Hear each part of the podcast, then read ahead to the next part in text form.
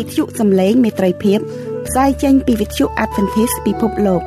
នាងខ្ញុំ Erica Pha ហើយខ្ញុំ John Prisley Pha សូមគោរពនិងស្វាគមន៍ចំពោះអស់លោកលោកស្រី និងប្រិយមិត្តអ្នកស្ដាប់ទាំងអស់ជាទីមេត្រី បងប្អូនលោកអ្នកកំពុងស្ដាប់ដំណឹងល្អពីវិទ្យុសំឡេងមេត្រីភាព ដែលផ្សាយចេញជាភាសាខ្មែរមួយថ្ងៃពីរលើកព្រឹកពីម៉ោង6ដល់ម៉ោង6:30នាទី ពេលល្ងាចពីម៉ោង8ដល់ម៉ោង8:30នាទីយប់តាមរលកធាលអាកាសខ្លី short wave 15150 kHz កម្ពស់19ម៉ែត្រអ្នកស្រីសុនសវណ្ណានឹងជម្រាបជូននៅកម្មវិធីសម្រាប់ថ្ងៃនេះដូចតទៅ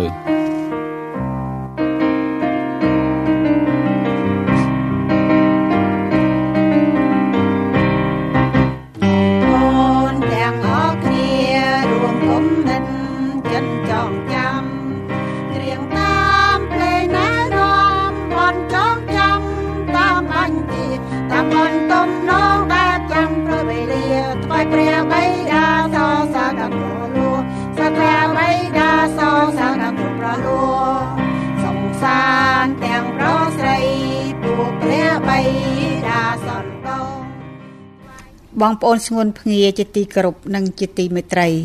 លោកពេត្រុសនៅក្នុងសម្បត្តិទី2របស់លោក នៅចំពុក3ខ15ដល់ខ16សម្ដែងថា ហើយត្រូវរាប់សេចក្តីអត់ធ្មត់របស់ព្រះអង្គម្ចាស់នៃយើងទុកជាសេចក្តីសង្គ្រោះដូចជាប៉ុលជាបងប្អូនស្ងួនភ្ងារបស់យើងខ្ញុំ បានសរសេរមកអ្នករាល់គ្នា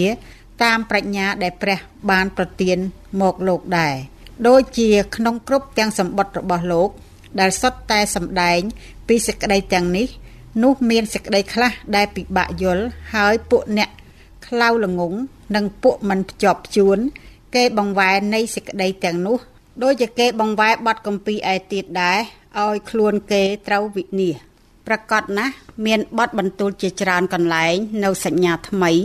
ជាពិសេសក្នុងសម្បត្តិលោកប៉ុល ទៅកាន់ក្រុងរ៉ូមបានធ្វើឲ្យអ្នកអាននិងគ្រីស្ទៀនមិនយល់ឬយល់ខុសពីន័យដែលព្រះគម្ពីរចង់សម្ដែងមកកាន់យើង ថ្ងៃនេះសូមអញ្ជើញបងប្អូនលោកអ្នកស្ដាប់កតិបាយ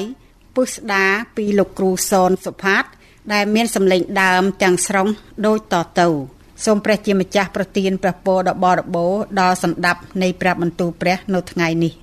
បាទសូមជម្រាបសួរដល់បងប្អូនជនភ្ងាជាទីគោរពនិងជាទីមេត្រី នៅក្នុងកម្មវិធីអឺអធិប្បាយនៃព្រះគម្ពីររ៉ូមអត្ថាធិប្បាយនៃព្រះគម្ពីររ៉ូមឬក៏ដំណើរឆ្លងកាត់គម្ពីររ៉ូមជាមួយលោកប៉ុលយើងបានមកដល់ជំពូកទី7នៃព្រះគម្ពីររ៉ូមដូច្នេះមុននឹងយើងចាប់ផ្ដើមខ្ញុំសូមអញ្ជើញបងប្អូនជនភ្ងាបានអធិស្ឋានសូមប្រពោវិព្រះជាម្ចាស់ព្រះវរបិតាដែលគង់នៅឋានសួគ៌ដ៏ខ្ពស់បំផុតទូមគុំសូម យាងព្រះវិញ្ញាណបរិសុទ្ធរបស់ព្រះអង្គគង់សន្តិដ្ឋជាមួយទូមគុំគ្រប់គ្រប់គ្នា ដែលកំពុងអោនក្រាបនៅចំពោះព្រះអង្គនិងស្ដាប់នៅប្រសូរសៀងរបស់ព្រះអង្គតាមព្រះគម្ពីរសម្បត្តិការក្រុងរ៉ូមរបស់លោកប៉ុលទូលព្រះគុំសូមអធិដ្ឋានដល់នៅព្រះនាមព្រះម្ចាស់ព្រះយេស៊ូវគ្រីស្ទអាមែនបងប្អូនជនភ្ងានៅក្នុងអឺនីតិមុន គឺយើងបានអឺបញ្ចប់នៅ ក្នុងព្រះគម្ពីររ៉ូមចំពុក6បាទ ហើយនៅក្នុងនោះយើងទាំងអស់គ្នាបានអឺយល់ច្បាស់ខ្ញុំសង្ឃឹមថាបងប្អូនលោកអ្នកបានយល់ច្បាស់អំពីអឺសច្ចធម៌ទាំងឡាយនៅជុំវិញក្រិតវិន័យ10ប្រការអឺប្រគុណហើយនឹងអំពើបាបបងប្អូនសូនភ្ងានៅក្នុងព្រះគម្ពីររ៉ូមលោកប៉ុលបានលើកបញ្ជាក់ដដែលដដែលជាច្រើនលើកច្រើនសារ អំពីក្រិតវិន័យនៅចំពោះ7នេះគឺលោកប៉ុលហាក់ដូចជាបានបដូរទិសនៃការវិជ្ញិចរបស់លោកអំពីអឺចុងចំពោះ6ដែលចែងអំពីថាកាលណាយើងត្រឡប់ជាបាវបំរើដល់ព្រះគ្រីស្ទនោះយើងមិននៅជាបាវបំរើនៃអំពើបាបទៀតឡើយមុននឹងយើងមើលនៅបទបន្ទូលក្នុងវគ្គដំបូងនេះខ្ញុំសូមអញ្ជើញបងប្អូន បើកទៅព្រះគម្ពីររ៉ូមចំពុក7ហើយយើងអានពីខ1ដល់ខ4អូបងប្អូនអើយតើអ្នករាល់គ្នាមិនដឹងទេឬអីបាទខ្ញុំនិយាយនឹងអ្នករាល់គ្នាដែលស្គាល់ក្រិតវិន័យហើយថាក្រិតវិន័យមានអំណាចលើមនុស្សដល់រាបដល់អស់មួយជីវិត ពីព្រោះស្ត្រីណា ដែលមានប្តីនៅរស់នៅជាប់នឹងប្តីដោយសារក្រិតវិន័យ ប៉ុន្តែបើកាលណាប្តីស្លាប់ទៅនោះបានរួចពីច្បាប់របស់ប្តីហើយដូច្នេះកាលប្តីកំពុងរស់នៅឡើយ បើស្ត្រីនោះទៅយកប្តីមួយទៀតនោះគេសន្មត់ហៅថាជាស្រីកំផិត តែបើប្តីស្លាប់ទៅនោះនាង បានរួចពីច្បាប់នោះហើយ បានទោះជាបើនាងយកប្តីមួយទៀតក៏មិនហៅថាជាស្រីកំផិតឡើយ យ៉ាងដូច្នោះបងប្អូនអើយអ្នករាល់គ្នាក៏បានស្លាប់ពីខាងឯក្រិតវិន័យដែរដោយសាររូបអង្គនៃព្រះគ្រីស្ទដើម្បីឲ្យអ្នករាល់គ្នាបានទៅជារបស់ផង អ្នកម្នាក់ទៀតដែលបានរស់ពីស្លាប់ឡើងវិញប្រយោជន៍ឲ្យយើង បានបង្កើតផលថ្វាយព្រះអរគុណព្រះអង្គនៅក្នុងព្រះគម្ពីររ៉ូមចំពុក6 លោកប៉ុលបានពិភាក្សាពីក្រិតវិន័យអំពើបាបនិងប្រគុណហើយខ្ញុំសង្ឃឹមថាបងប្អូនលោកអ្នកយល់ច្បាស់ពីអ្វីដែលលោកប៉ុលចង់ថ្លែងប្រាប់យើងមិនអាចបង្កើតបាប ដោយអាងលើប្រគុណរបស់ព្រះនោះឡើយលោកបានដាស់តឿនដល់អ្នកជឿទាំងឡាយឲ្យប្រឹងប្រែងជៀសពីបាប ដោយអាងលើប្រគុណ យើងគួរចងចាំថាព្រះបន្ទូល ពីគម្ពីរហេព្រើរចំពុក10ខ26ដែលព្រះគម្ពីរសម្ដែងថាត្បិតក្រោយដែលយើងបានទទួលស្គាល់សេចក្តីពិតហើយបើយើងធ្វើបាបស្ម័គ្រពីចិត្តទៀតនោះគ្មានយ៉ាញ់បូជាណា សម្រាប់នឹងលុះបាបទៀតទេទៅខ27មានតែរងចាំដោយស្ញែងខ្លាចចំពោះសេចក្តីជំនុំជម្រះ និងសេចក្តីសហះនៃភ្លើង ដែលរៀបនឹងឆេះដល់អស់ទាំងពួកទាស់ទទឹងផងប៉ុណ្ណោះឯអ្នកណាដែលក្បត់ក្រិតវិន័យលោកម៉ូសេនោះបានត្រូវស្លាប់ឥតប្រណីដោយសេចក្តីបន្ទល់របស់មនុស្ស2ឬ3នាក់បងប្អូនសុនគ្នាគម្ពីររ៉ូមចំពុក6បានបញ្ចប់ដោយខដ៏មានអំណាចមួយ ដែលជាសាលក្រមបូកសរុប ថាឈ្នួលនៃអំពើបាប គឺជាសេចក្តីស្លាប់ គឺជាសេចក្តីស្លាប់ដោយជៀសមិនរួចដូចគ្នានឹងអេវ៉ាដែលបានធ្វើបាបនឹងព្រះ ហើយត្រូវទទួលសេចក្តីស្លាប់តរៀងមក តែអរប្រគុណដល់ព្រះ ដែលទ្រង់តែងប្រទាននូវសារនៃសេចក្តីសង្ឃឹមដល់យើងជានិច្ចថា តែអំណោយទាននៃព្រះវិញគឺជាជីវិតនៅអស់កលជានិច្ច ដោយព្រះគ្រីស្ទយេស៊ូវជាព្រះអម្ចាស់នៃយើងរាល់គ្នា អ្នកសិក្សាព្រះគម្ពីរតែងអានគម្ពីរពីរខនេះភ្ជាប់គ្នា គឺទី1គឺគម្ពីរយូហានខ្សែទី1ចំពុក3ខ4ហើយនឹងព្រះគម្ពីររ៉ូមចំពុក6ខ23ឥឡូវបងប្អូនលោកអ្នកយើងចាំហើយនៅក្នុងគម្ពីរយ៉ូហានខ្សែទី1ចំពុក3ខ4បើយើងសង្ខេបខ្លីឃើញថាបទបន្ទូលនោះចែងប្រាប់យើងថា អំពើបាបគឺជាការបំពានលើក្រិតវិន័យគឺក្រិតវិន័យគឺក្រិតវិន័យ10ប្រការរបស់ព្រះហើយនៅគម្ពីររ៉ូមចំពុក6ខ23គម្ពីរសម្ដែងថាឈ្នួលនៃអំពើបាបគឺជាសេចក្តីស្លាប់ឥឡូវយើងមើលទៅគម្ពីររ៉ូមចំពុក7ខ2ដល់ខ6ណាយើងអានមួយវគ្គហើយប៉ុន្តែខ្ញុំធ្វើការសរុបសេចក្តីខ្លះជូនបងប្អូនទាំងអស់គ្នា ថាលោកប៉ុលប្រើ អឺអាពាហ៍ពិពាហ៍ដើម្បីនឹងគូសបញ្ជាក់ពីទំនាក់ទំនងរវាងយើង ទៅនឹងក្រិតវិន័យពេលណាប្តីឬប្រពន្ធស្លាប់ច្បាប់អាពាហ៍ពិពាហ៍គ្មានអំណាចអ្វីលើអ្នកនោះទៀតឡើយហើយដល់យើងបានស្លាប់ជាមួយនឹងព្រះគ្រីស្ទនោះក្រិតវិន័យមិនអាចមានអំណាចលើយើងទៀតដែរយើងបានរស់ឡើងវិញ ជាមួយនឹងព្រះគ្រីស្ទនៅពេលទ្រង់មានបជនរស់ឡើងវិញ ហើយជាមនុស្សថ្មី គឺយើងជារបស់ផងព្រះគ្រីស្ទព្រះវិញ្ញាណទ្រង់បានជួយឲ្យយើងបង្កើតផលផ្លែល្អថ្វាយដល់ព្រះឥឡូវនេះយើងមិនមែនបម្រើព្រះដោយកម្រងនៃច្បាប់ទៀតទេ តែយើងបម្រើព្រះ ដោយចិត្តដែលបានបង្កើតជាថ្មី និងគំនិតដែលពុះពោដោយសេចក្តីស្រឡាញ់នៃព្រះ ដូចមានចែងនៅក្នុងគម្ពីររ៉ូមចំពុក7ខ6 តែឥឡូវនេះយើងបានរួចពីក្រិតវិន័យហើយដែលបានស្លាប់ក្នុងសេចក្តីដែលឃុំឃាំងយើងទុកប្រយោជន៍ឲ្យយើងបានគោរពប្រណិប័តដោយវិញ្ញាណដែលបានកែជាថ្មីវិញ មិនមែនតាមតែនីពាក្យពីបុរាណនោះទៀតឡើយអរគុណព្រះអង្គមានចំណុច3នៅក្នុងព្រះគម្ពីរតាក់ទងទៅនឹងក្រិតវិន័យនៅគម្ពីររ៉ូមចំពុក7នេះបងប្អូនលោកអ្នកដឹងហើយថាពួកសាសយូដា គេខិតខំ ធ្វើខ្លួនឲ្យទៅជាបរិសុទ្ធសុចរិតនោះហើយនៅគេមានជំនឿថាសេចក្តីសង្គ្រោះបានមកដោយការកាន់ក្រិតវិន័យ10ប្រការអឺឯចំណុចទី2នោះគឺថាមានរឿងមួយអំពីអឺបរោះអ្នកមានម្នាក់បងប្អូនមានព្រះគម្ពីរសូមបើកជាមួយខ្ញុំទៅនៅក្នុងព្រះគម្ពីរម៉ាថាយចំពុក19នៅម៉ាថាយចំពុក19ខ16ទៅដល់30 នៅទំព័រ1268បងប្អូនខ្ញុំអានជូននោះមានម្នាក់មកទូលសួរទ្រង់ថាលោកគ្រូល្អអើយតើត្រូវឲ្យខ្ញុំធ្វើការល្អអ្វីឲ្យបានជីវិតរស់នៅអស់កលជានិច្ចទ្រង់មានបន្ទូលទៅគាត់ថាហេតុអ្វីបានជាអ្នកហៅខ្ញុំថាជាល្អដូច្នេះមានតែមួយទេដែលល្អគឺជាព្រះ តែបើអ្នកចង់ចូលទៅក្នុងជីវិត ចូលកាន់តាមបញ្ញត្តិទាំងប៉ុន្មានចុះក៏ទូលសួរថាតើបញ្ញត្តិណាខ្លះ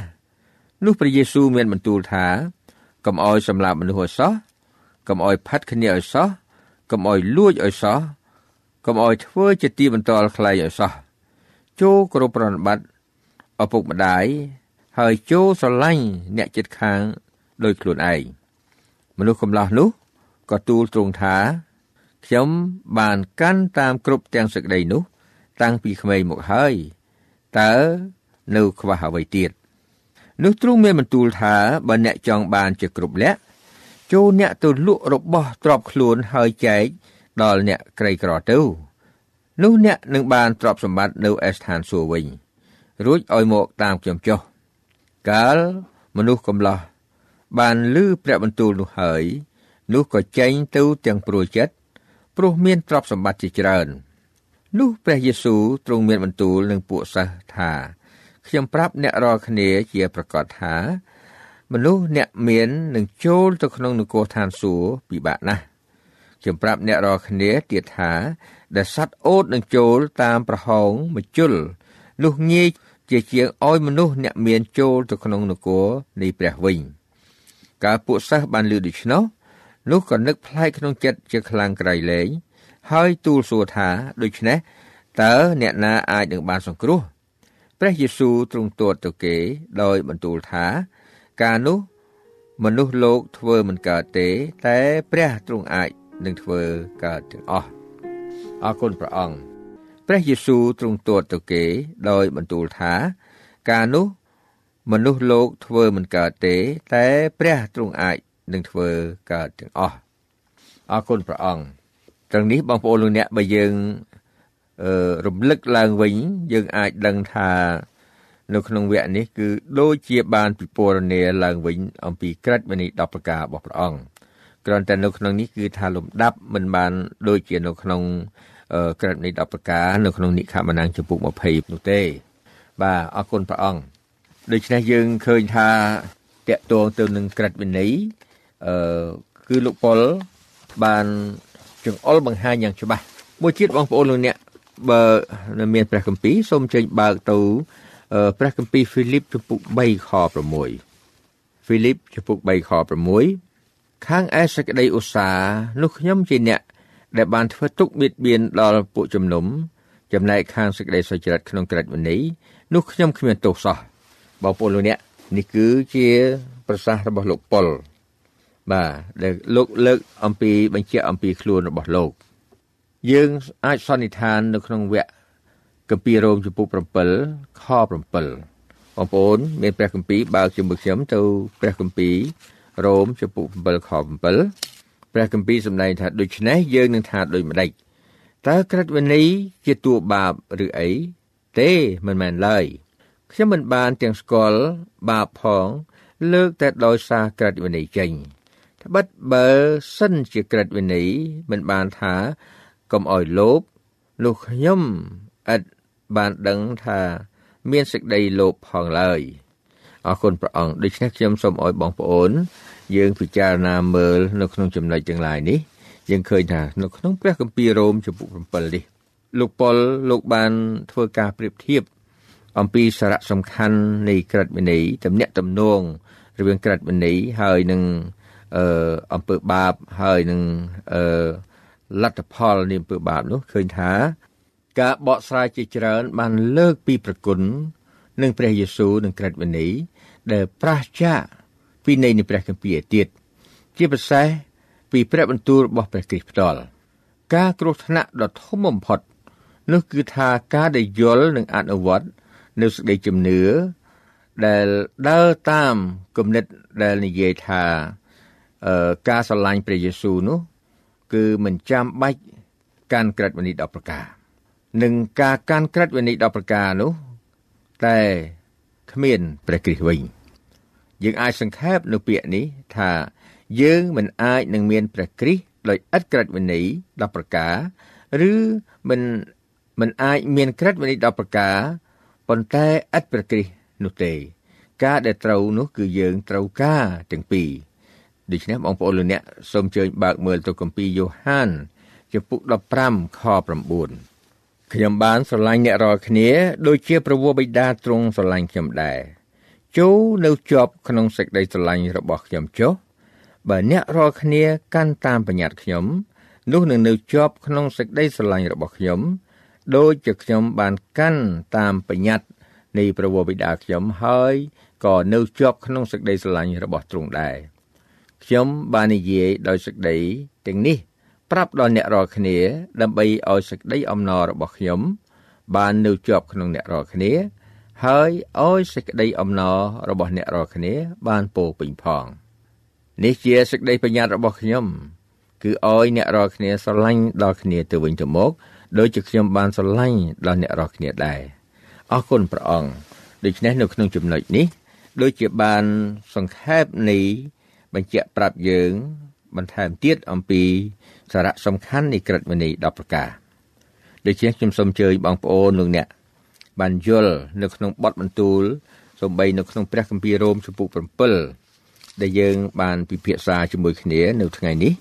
យើងឃើញថា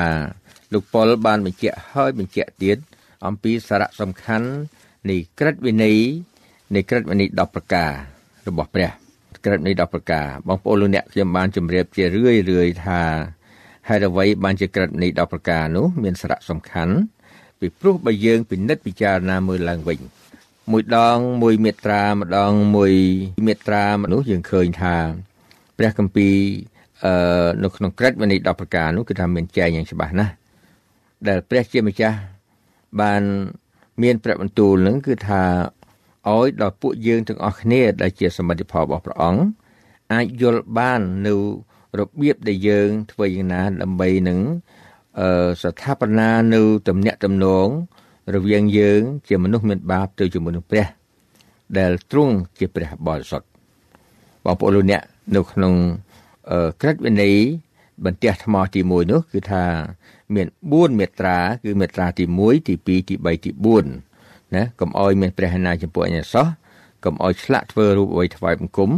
កុំអោយចេញព្រះនាមរបស់ព្រះយេហូវ៉ាជាសាអធិការហើយនឹងចូលឲ្យនឹកចាំពីថ្ងៃឈប់សម្រាកដើម្បីងាកថ្ងៃនោះចេញជាបរិសុទ្ធដូច្នេះយើងឃើញថានៅក្នុងក្រឹតវិន័យអឺ10ប្រការចាប់ផ្ដើមពី1ដល់4នៅក្នុងបន្ទះថ្មទី1នោះគឺជាការដែលព្រះបានត្រាស់បង្គាប់ឲ្យដល់យើងទាំងអស់គ្នា អំពីរបៀបដែលយើងថ្វាយបង្គំព្រះ ដែលព្រះអង្គទ្រង់សពតិនោះគឺថាជាការដែលថ្វាយបង្គំព្រះត្រូវតាមគំរូរបស់ព្រះយេស៊ូវហើយនឹងសេចក្តីបង្រៀនរបស់ព្រះគម្ពីរបាទនេះគឺជាចំណុចសំខាន់ដែលបងប្អូនទាំងអស់គ្នាត្រូវដឹងហើយយើងដឹងថាគម្ពីររ៉ូមចំពុក7នេះ គឺលោកប៉ុលបានធ្វើការប្រៀបធៀបអំពីអាពាហ៍ពិពាហ៍ណាទៅនឹងហើយបងប្អូនទាំងអស់គ្នាគឺទៅនឹងខិតវិនិច្ឆ័យ10ប្រការទំនាក់ទំនងរវាងយើងទៅនឹងក្រឹតវិនិច្ឆ័យ10ប្រការ ដូចគ្នានឹងទំនាក់ទំនងរវាងអាពាហ៍ពិពាហ៍បាទដើម្បីឲ្យយើងទាំងអស់គ្នាបានយល់អំពីថាតើនេះដែលព្រះដែលដែលលោកប៉ុលចង់ប្រាប់យើងនោះគឺមានមានសេចក្តីយ៉ាងណាខ្លះបាទខ្ញុំសូមឲ្យបងប្អូនយើងទាំងអស់គ្នាអឺពិនិត្យពិចារណាមើលឡើងវិញហើយខ្ញុំគ្រាន់តែរំលឹកប្រាប់បងប្អូនថា យើងមិនអាចមានព្រះគ្រីស្ទដោយឥតក្រិតវិនិច្ឆ័យ10ប្រការ ឬមានក្រិតវិនិច្ឆ័យ10ប្រការដោយឥតព្រះគ្រីស្ទនោះឡើយការដែលត្រូវនោះគឺយើងត្រូវការទាំងពីរយើងឃើញថាព្រះគម្ពីរបានចង្អុលបង្ហាញថាម៉េចថាក្រិតវិន័យ10ប្រការនោះគឺជាគ្រូគឺជាអ្នកនាំផ្លូវយើងឲ្យបានទៅចូលទៅឯព្រះគ្រីស្ទ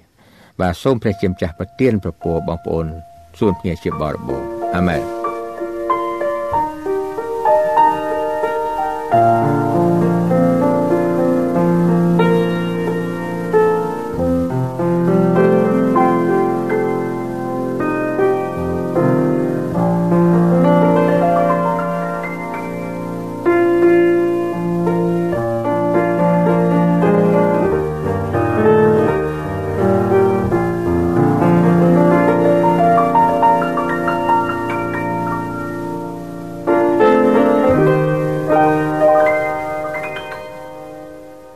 បើលោកអ្នកមានសំណួរឬសំណុំពរផ្សេងផ្សេងឬចង់ដឹងពីក្រុមជំនុំដែលនៅចិត្តសូមតាក់ទងមកការិយាល័យវិទ្យុសំឡេងមិត្តភាព តាមទូរស័ព្ទលេខ012 34 96 64ឬអ៊ីមែលទៅ vol@awr.org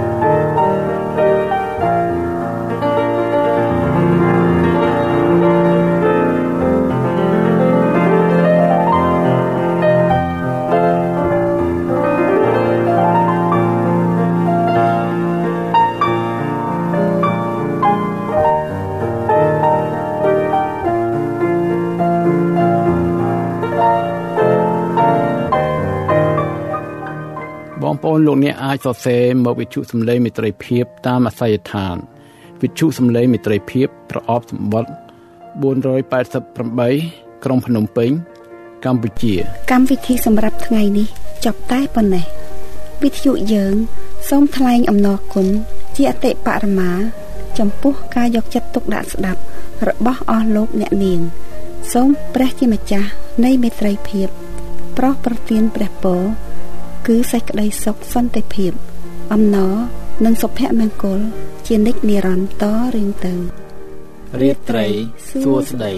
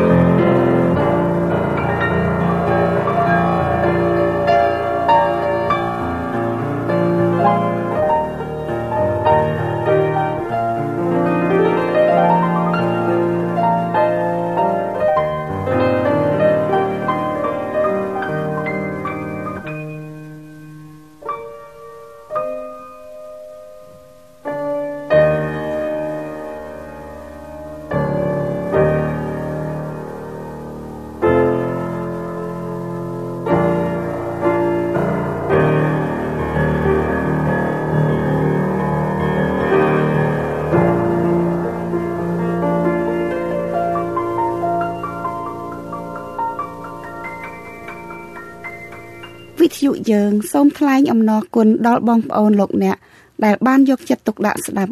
កម្មវិធីយើងខ្ញុំនៅថ្ងៃនេះសូមព្រះជាម្ចាស់ប្រទានព្រះពរជាបរិបូរណ៍